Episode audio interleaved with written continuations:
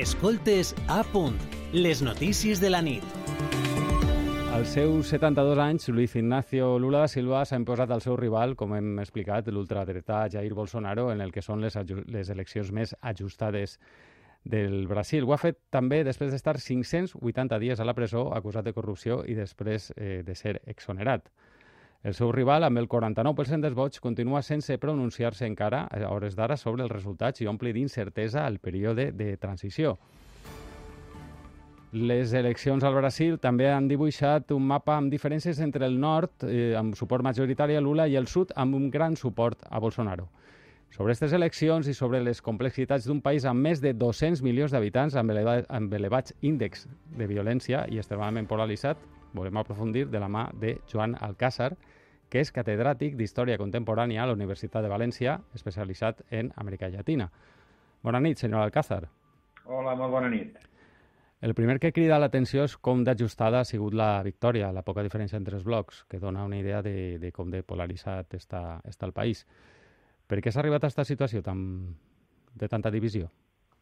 Bueno, pues eh, efectivament, perquè la situació del país ja és eh, d'extrema polarització des de fa temps.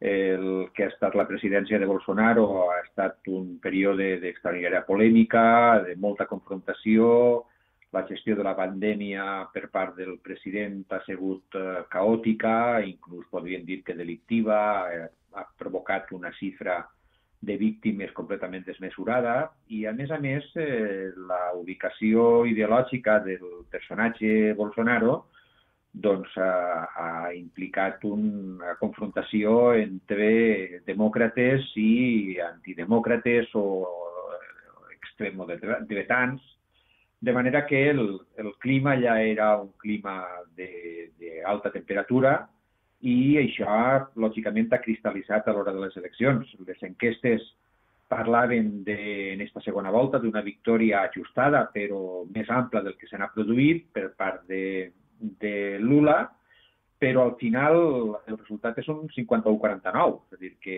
mm. pràcticament és allò que diríem eh, un empat tècnic o fotofinis, però el, el vencedor és el president Lula da Silva. El nou president serà Lula da Silva.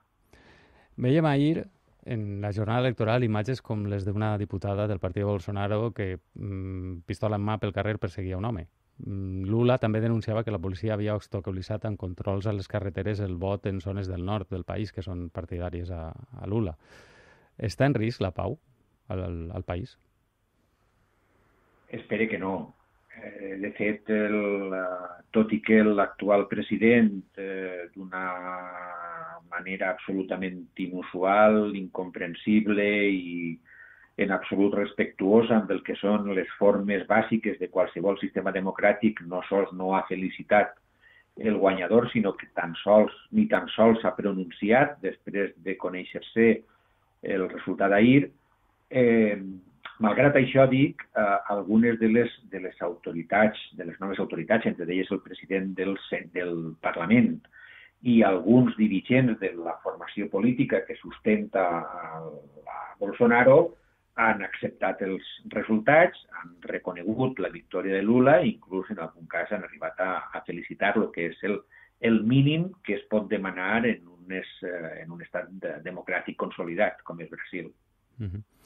Esta victòria mm, consolida el que és amb, amb les diferents, diferents matisos, eh? però el gira a l'esquerra en molts països. En els últims quatre anys, en molts països latinoamericans, amb els exemples de Colòmbia, el Perú, Xile, ara el Brasil. Quines diferències hi ha entre esta onada i la que va haver a principis dels anys 2000? Jo crec que és una pregunta que exigeix una resposta llarga per la qual no tenim el temps suficient. Uh -huh. En qualsevol cas, voldria dir que eh, parlar d'una esquerra de caràcter genèric eh, que podria posar en el mateix plànol eh, el president López Obrador de Mèxic amb el president Gabriel Boric de Xile és eh, forçar en excés eh, la, la, les formes jo entenc que des del que són els mitjans de comunicació, inclús des del que és l'opinió pública, aquesta valoració del gir a l'esquerra eh, siga una valoració bastant estesa. Però hi ha extraordinàries diferències entre el que significa Gustavo Petro a Colòmbia uh -huh.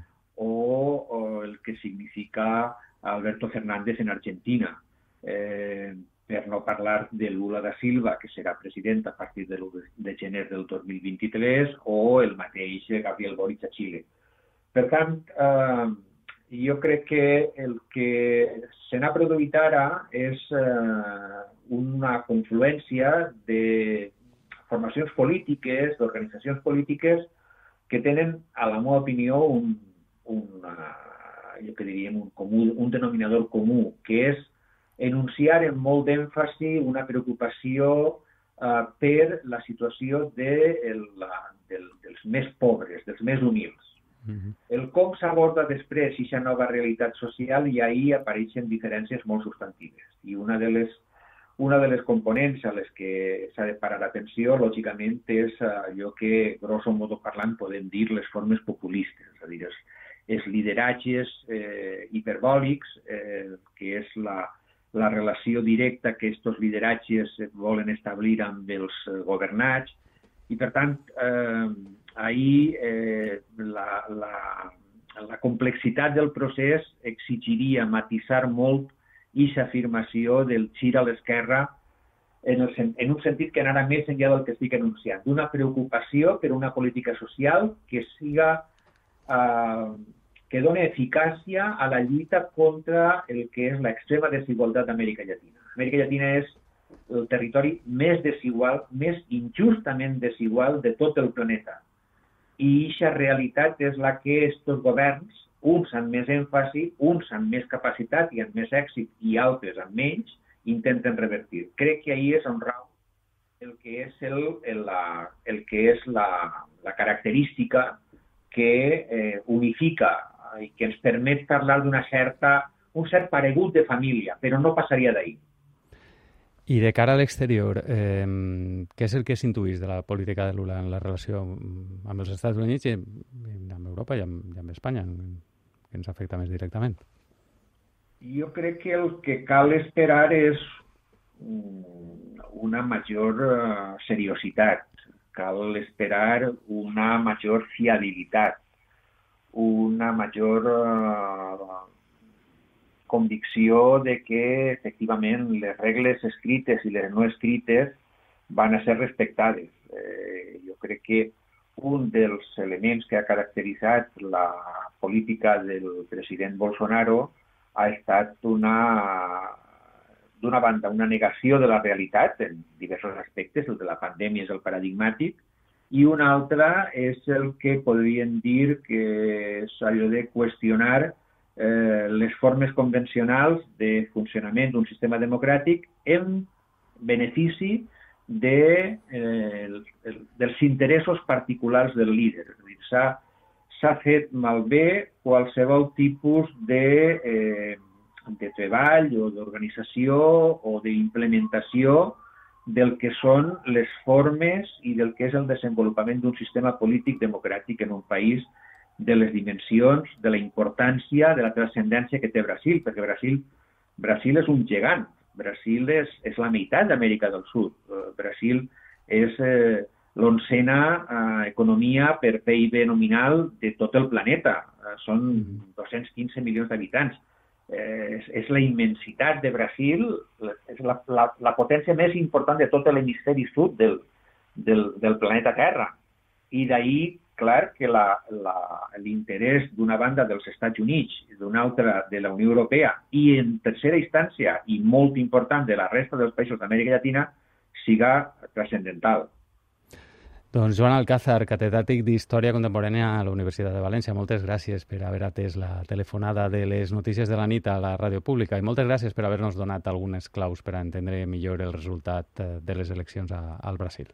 Molt bé, bona nit, gràcies a vosaltres. Gràcies i bona nit.